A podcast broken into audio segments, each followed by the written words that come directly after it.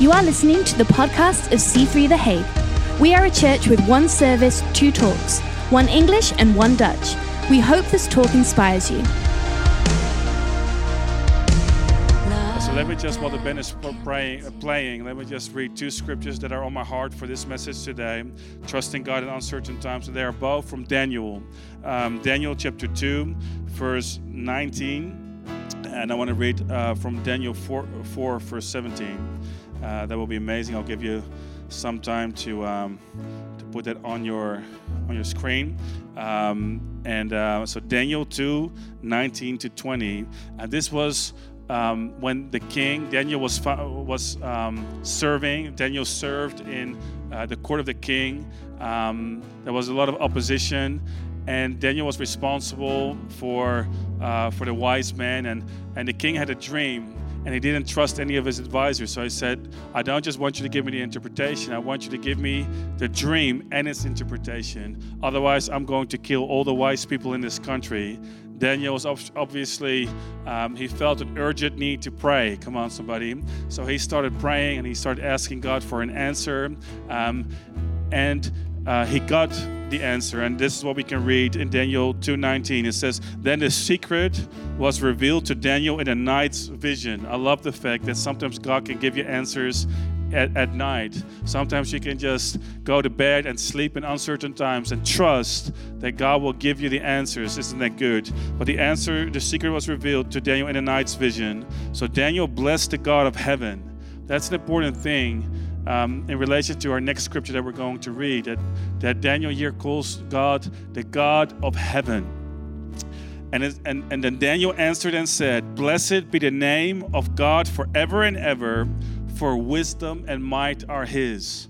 What we read here is that uh, Daniel here discovers, or Daniel here acknowledges, that God has the uh, right, God has the possession, God has the ownership of wisdom and might. And he says, The God of heaven has the ownership of wisdom and might. And he, so he praises God and acknowledges that there is no secret, there is no problem too big for God to solve. Then we can go two chapters further in Daniel 4 17, where the king has another dream. And the conclusion of the dream is a conclusion that I want to read to you. This conclusion was important, actually, in the words of the king himself. This is the conclusion, and this is the conclusion of the dream. Um, and this is what it is. Uh, the conclusion is that the Most High rules in the kingdom of man and gives it to whomever he will and sets over it the lowest of man. Now it's interesting because in chapter 2 we read uh, the God of heaven. Daniel blessed the God of heaven. But here we read that God is the most high who rules over the kingdom of man and sets over it whomever he wishes. And so I'll, we want to talk today about the fact that God not only possesses wisdom and might, um, he also is not only the God of heaven, but he is the God of heaven who rules over the kingdom of man. Um, and so that's what we're going to talk about trusting God in uncertain times. I want to take a moment to pray, then we'll thank the band, and then we'll get into this message. I hope you're ready for this. Let's just pray. Father, we thank you for your word. We thank you for provision for us in our lives. That in the middle of uncertain times, Lord, we can trust you uh, in our lives. I pray for provision at our work. I pray for provision in finances. I also pray, Lord, and we pray together for provision for church, that we will find the building that is necessary uh, to meet, that we will find that you go uh, before us, that we know that you have a plan for us as a church, you have a calling and a mandate for us, and we will achieve this mandate in the name of Jesus. Thank you that you will build your church and the gates of hell will not prevail against it. Thank you that there is no opposition. Thank you that the heart of the king is in the hand of God. And thank you, Lord, you are able to move people's hearts, um, owners' hearts, um, the, the hearts of, of government and our mayor. We pray for them. We pray for our local government. We bless them in the name of Jesus. And we ask you to use them to favor the church in this season in the name of Jesus. Amen and amen. So I want to thank the band. You did an amazing job. And uh, why don't you thank the band on your uh, social media account or the app? They've been working really hard in this season. Also the media team, and uh, and so we're we're having a, a, time of productivity in our church, and um, and we will continue doing that, whatever the cost. So, hey, I want to talk to you about trusting God in uncertain times. And as I was preparing this message, I was um, actually during this whole season, a couple of months ago, I was reflecting back on what it was like for me to go through the uncertainty of starting my career and started thinking about what this means uh, to me today. As a matter of fact, um, it was when I started my, uh, when I finished my college degree, uh, I got married to Nicola, my wife, in the third year of college. Um, so we just started living together as we, uh, after we got married, and, uh, and so we had this little apartment. And um, I started looking for an internship in my fourth year and to finish my uh, college degree in communications. And um, I have to say that whenever you start something new, whether it is starting a new relationship, whether it is starting an expansion to your family, uh, whether it is starting an expansion to your house, whether it is moving house or, or uh, anything uh, that you do that feels big to you, whenever you do that, um, I think it's important to recognize that it always goes with a mix of feelings on the one hand, we have uh, positive feelings, feelings of um, anticipation, feelings of desire. Uh, we are filled with vision. And so we've got all these positive emotions. We've got excitement happening. But the other hand, there's this feeling of stress, of anxiety, maybe a, a level of fear because we don't quite know how it is going to happen. And I think it is important for us to understand that whenever we start something big, whenever we are um, in position to do something that we haven't done before, to go something that we haven't gone before, that uh, the mix of emotion is natural. Also, when you have faith in God. See, faith in God doesn't clear you of any emotions. You will have a mixed set of emotions, but it's important to decide where your trust is. And, and so when I was when I was starting my, I don't know whether you can call it a career, but when I started my career, um, I had to look for this internship, and there were all these options. And I knew that the inter- internship that I was going to do um, could potentially have a big impact on my, uh, my next job. And I had not only a dream of a career, but I had a dream of serving God in church and, and, and had all these desires. And, and I was just feeling the pressure a little bit. And I remember that the morning before I went to the uh, job interview for my internship that I actually secured later in a PR uh, firm in Amsterdam. I remember I was reading that morning um, in my Bible, in my regular schedule, and, and God really opened up these two scriptures that I just read to you in Daniel 2 and Daniel 4. And so I began to um, shape my, uh, God, the Holy Spirit began to shape my thinking along the lines of these two scriptures. I began to realize that, first of all, there is one world, that, that God is not just the ruler over spiritual matters, but that God is the ruler over um, physical matters as well. God is not just setting up a kingdom that is distant from our kingdoms, um, God is a God who rules over the kingdom of man. I began to realize that when Jesus died, he did not just die um, for the love of the Christian world, he died for the love of the world. God so loved the world. There are no two worlds, there's only one world. And we need to, um, and, I, and so I began to understand that there is one world and God is not distant from it. I began to realize um, and it really shaped my thinking. And my prayer is that this, these scriptures will shape your thinking today. I began to realize that the spiritual and the natural are very much intertwined.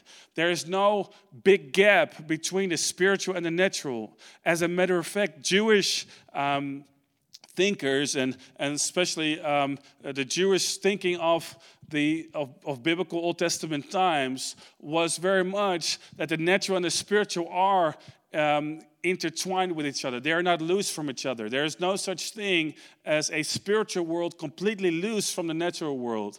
Um, Jesus also teaches this. He says, Whatever you bind in heaven will be bound on earth. There's a connection between heaven and earth, there's a connection between spiritual and natural. Um, I began to realize that God has the ability to give me thoughts, creative thoughts, and, um, and, to, and, and because He owns wisdom and might. And if, and, and if I can have thoughts that can be um, um, better and bigger than my comp- competition, that actually um, there's a blessing on that. And that God has the ability, even in the midst of opposition, to give me ideas, creative ideas. And I begin to realize that I have access um, to those thoughts. Um, I begin to um, realize that God is a God who is involved in our lives. And so I really pray that in this season that you would find that you can trust God in uncertain times uh, based on the fact that this is a thought I want to share with you. God has jurisdiction over the kingdom of man. Let me just say that God has jurisdiction over, over the kingdom of man. He has the right to get involved. As a matter of fact, when when God sent Jesus Christ, his son, to the earth, he sent his son to be physically born and to physically die and to be physically raised from the dead because God realizes that the spiritual and the natural are combined with each other. See, Jesus had to come to the earth. Jesus' favorite title of himself was Son of Man because he, as a human being, he had the right, he had jurisdiction to have authority, and he took authority over um, situations and circumstances to then uh, lift us up with him as he was raised from the dead and to give us authority over circumstances and situations because the Most High still rules over the kingdom of man and gives over it um, whoever he wills. Um, because wisdom and might on the earth still belong to God. God still has the right to give us ideas and to give us creative ideas. God has jurisdiction in your physical situations. And it is, I feel like it is so important because um, I felt all that weight of my dreams and aspirations. At a certain point, I just felt the weight of that responsibility. And the good news is, I feel that God wants to lift the weight a little bit.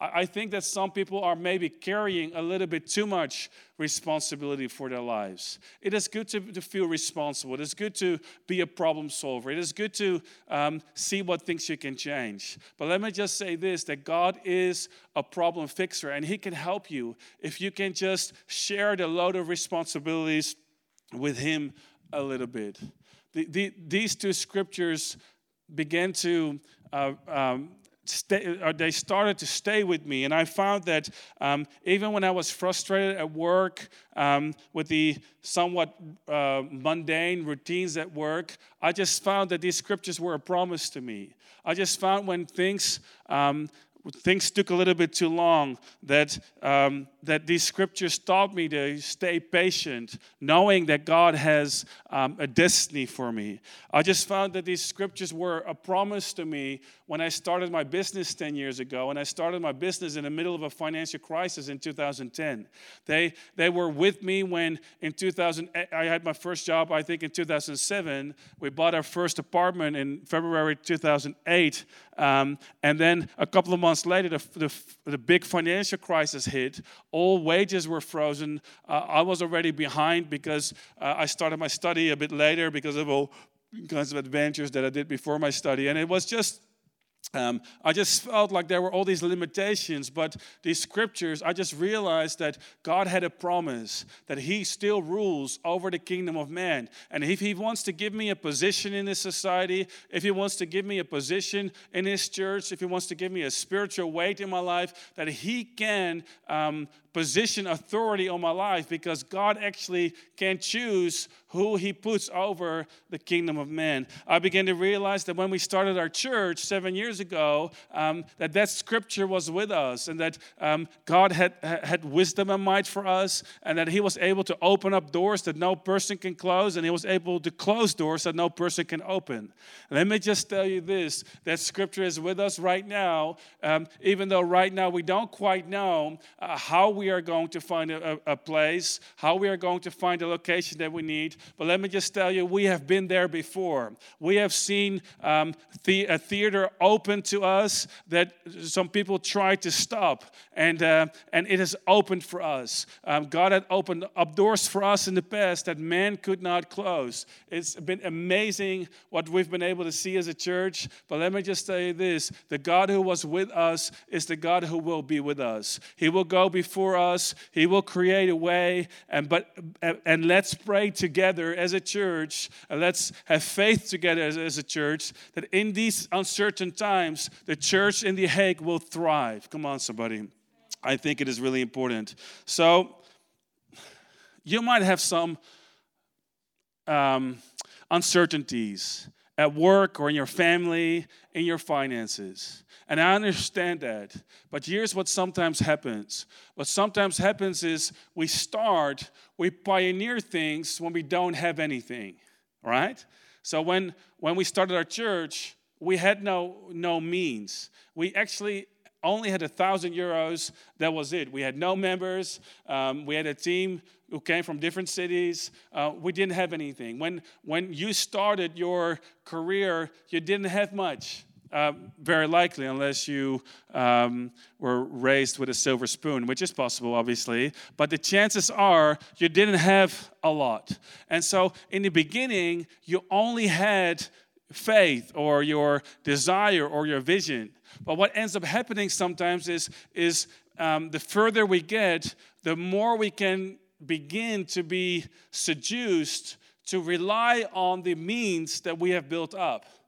And I feel like God is using this season to establish for us again where our certainty lies. Because I want to I want to strongly mention that your certainty is not in your in your means. Your certainty is not in your finances. Your certainty is not in your network. Can I say this? Whether or not you have a job, your certainty isn't in your job. Whether or not you have a business, your certainty is not in your business. Your certainty um, is in the, in the Most High who rules over the kingdom of man, who has the um, uh, is a patent a word who has the authority, the patent to wisdom and might. And he did it before, he is able to do it again. But you cannot rely on your physical means. Man, I'm so all over my notes today. Um, but um, the, the, here's my thought don't trust in the uncertainty of your economy.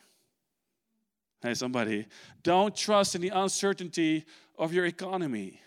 Because, you know, maybe we've become a little bit too comfortable Maybe we've become a little bit too comfortable with our economical circumstances and uh, maybe our job and our certainty, and maybe we've begun, began to see our, our physical means, so our employers or our clients, as our source.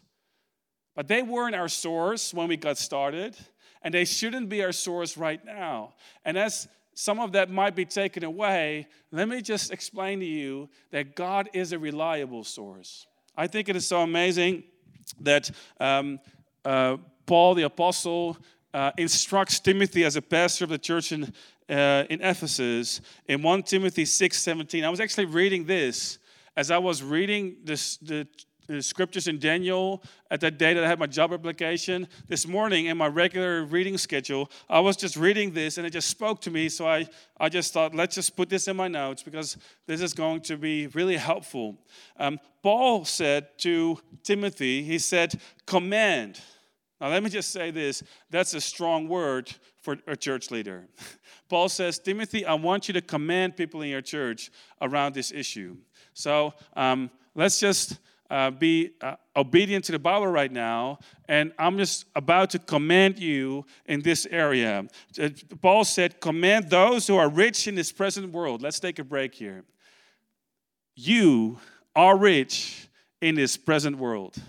if you have social security, if you have um, a, a, social um, environment to fall back on, if you have had an option of what to wear today, if you have a roof over your head, um, you, you are rich in this present world. But I think it's interesting that listen to the phrase that Paul uses. He says, rich in this present world. See, he's, he is he's already opening up the conversation saying that this world, our riches are, are present right now, but they are not here forever. They will not stay with us forever. He says, riches are temporary. Command those who are rich. They might think they are permanently rich, but Paul says they are rich in this present world. Command those who are rich in this present world not to be arrogant, nor put their hope in wealth, which is so uncertain. See, wealth is uncertain. Finances are uncertain. Our economy is uncertain. Stocks are uncertain. Our savings is uncertain. I don't want to make you depressed today, but, but actually, I want to tell you this is good news because, you're, because we, we can of sometimes feel like we're starting to rely on what we have, but that can give us an uneasy feeling, doesn't it? Because that is bad news, because that means that what we have, what we rely on, our foundation is a temporary foundation.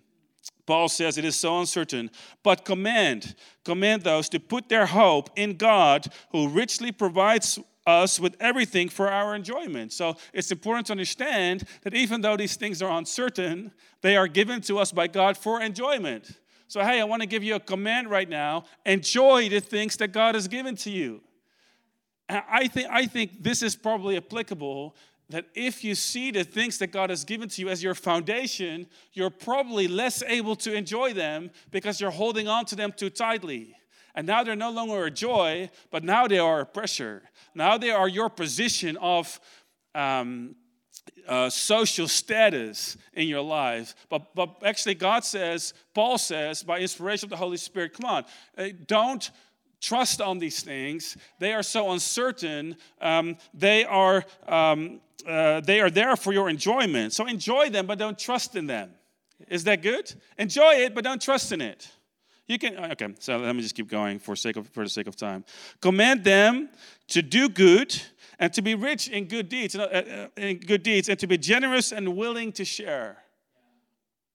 So that's the other thing. It says, first of all, enjoy your, your, what God, God gives you. Second of all, be rich in good deeds.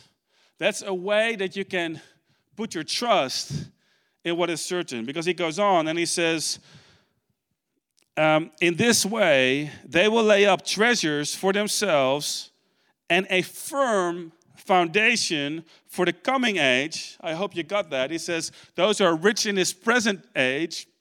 But if you if you are generous and if you um, um, and if you do this, you will lay up for yourselves a firm foundation for the coming age so that they may take hold of the life that is truly life, or in other words, eternal life. See, when it comes to what we trust in, Paul wants us in our rich Western circumstances to not trust in the uncertainty of riches because riches and our circumstances are uncertain, but to trust in the living God. Number one, enjoying what we have. Number two, giving and sharing willingly of what we have so we invest into a coming age, which is certain, which is eternity. I, I want to ask the band to come up. I want to end with uh, one more scripture. But I, so I think it's important to mention that all of this is good news. This is such good news because that means that we have a certainty you, that means that you have a certainty in spite of your circumstances. Will you have emotions that can be all over the place? Absolutely. Let me just tell you, you will have emotions. But as you are able to not lean, as you're able to not build your foundation on what is uncertain, you will actually feel more certain because your foundation is solid and your foundation is real. And I think it is really important. So, the thought is that we shouldn't trust in uncertain and the uncertainty of our economy. Let me just read to you one more scripture, which is a scripture from Deuteronomy 32, um, verse 11. And this is uh, this is Moses at the end of his life praying over his people. And this is sort of like his goodbye speech, his his his end of term speech. This is just before he's about to um, pass on to eternity. And he, he, he, he gives us this um, insight. He says, as and, he, and, he, and he speaks this out over the people of God, over Jacob, which later became Israel, which later became the people of God. And he says, As an eagle stirs up its nest, hovers over its young, spreading out its wings, taking them up and carrying them on its, on its wings, so the Lord alone led him, and there was no foreign God with him. He made him ride on the heights of the earth that he might eat the produce of the fields the produce of the fields. He made him draw honey from the rock and oil from the flinty rock. And I think it is so interesting because sometimes God leads us by taking away what is comfortable to us. See, how does an eagle stir its nest? Well, when an eagle has little eaglets, little babies, the eagle demonstrates his care for his little eagle babies whatever they're called, I guess eaglets, by making a soft nest for them. So he's creating this structure, um, which is the nest, and then he creates, which and it's a safe nest, and then he creates soft tissue and feather and, and, and stuff to make the eaglets a little bit happy. And here's the thing: when the little eaglets are hungry, they say, "Daddy, I'm hungry," and and Daddy comes and and the big eagle comes in and, and gives its little eaglets everything they need instantly. You know, maybe you find yourself in a place where you are new in the faith and you pray and you ask God for something and, and you need a boyfriend and and you know, after two weeks, God gives you your boyfriend. You need a job, and after after a week, God gives you a job. The same day, stuff happens, and let me just say congratulations. We are also very happy for you. Please share it on social media so we can bless you and and know how blessed you are. But let me just also say this: there comes a time when it is time for us to learn to stand on our own legs not that your prayer won't be answered quickly, because your prayer might still be answered quickly. But you know what? There comes a time where your feelings can be a little bit distant from your current experience. Come on, anybody out there? There comes a time where your excitement can, can feel a little bit inappropriate because you're feeling that you know, serving God actually requires a little bit of a price and it costs you something. It costs you something now to go to church. It costs you something to go to a watch party.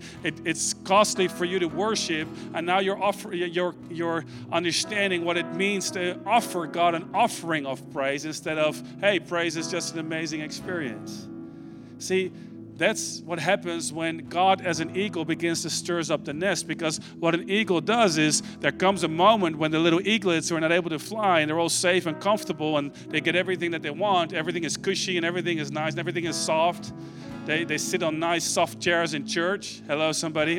Um, and, and so everything is nice, but it comes a moment where maturity needs to happen. So, what does the big eagle do? The big eagle then takes away some of the soft stuff and starts stirring up the nest so that the hard little, uh, the hard uh, wooden structure of the nest begins to come to the surface. Now, all of a sudden, the eagle is not sitting very comfortable anymore. It's like, hey, what are you doing, Dad? I'm uncomfortable here. But God, but Moses says, the way that God stirs up a nest, so has God led his people.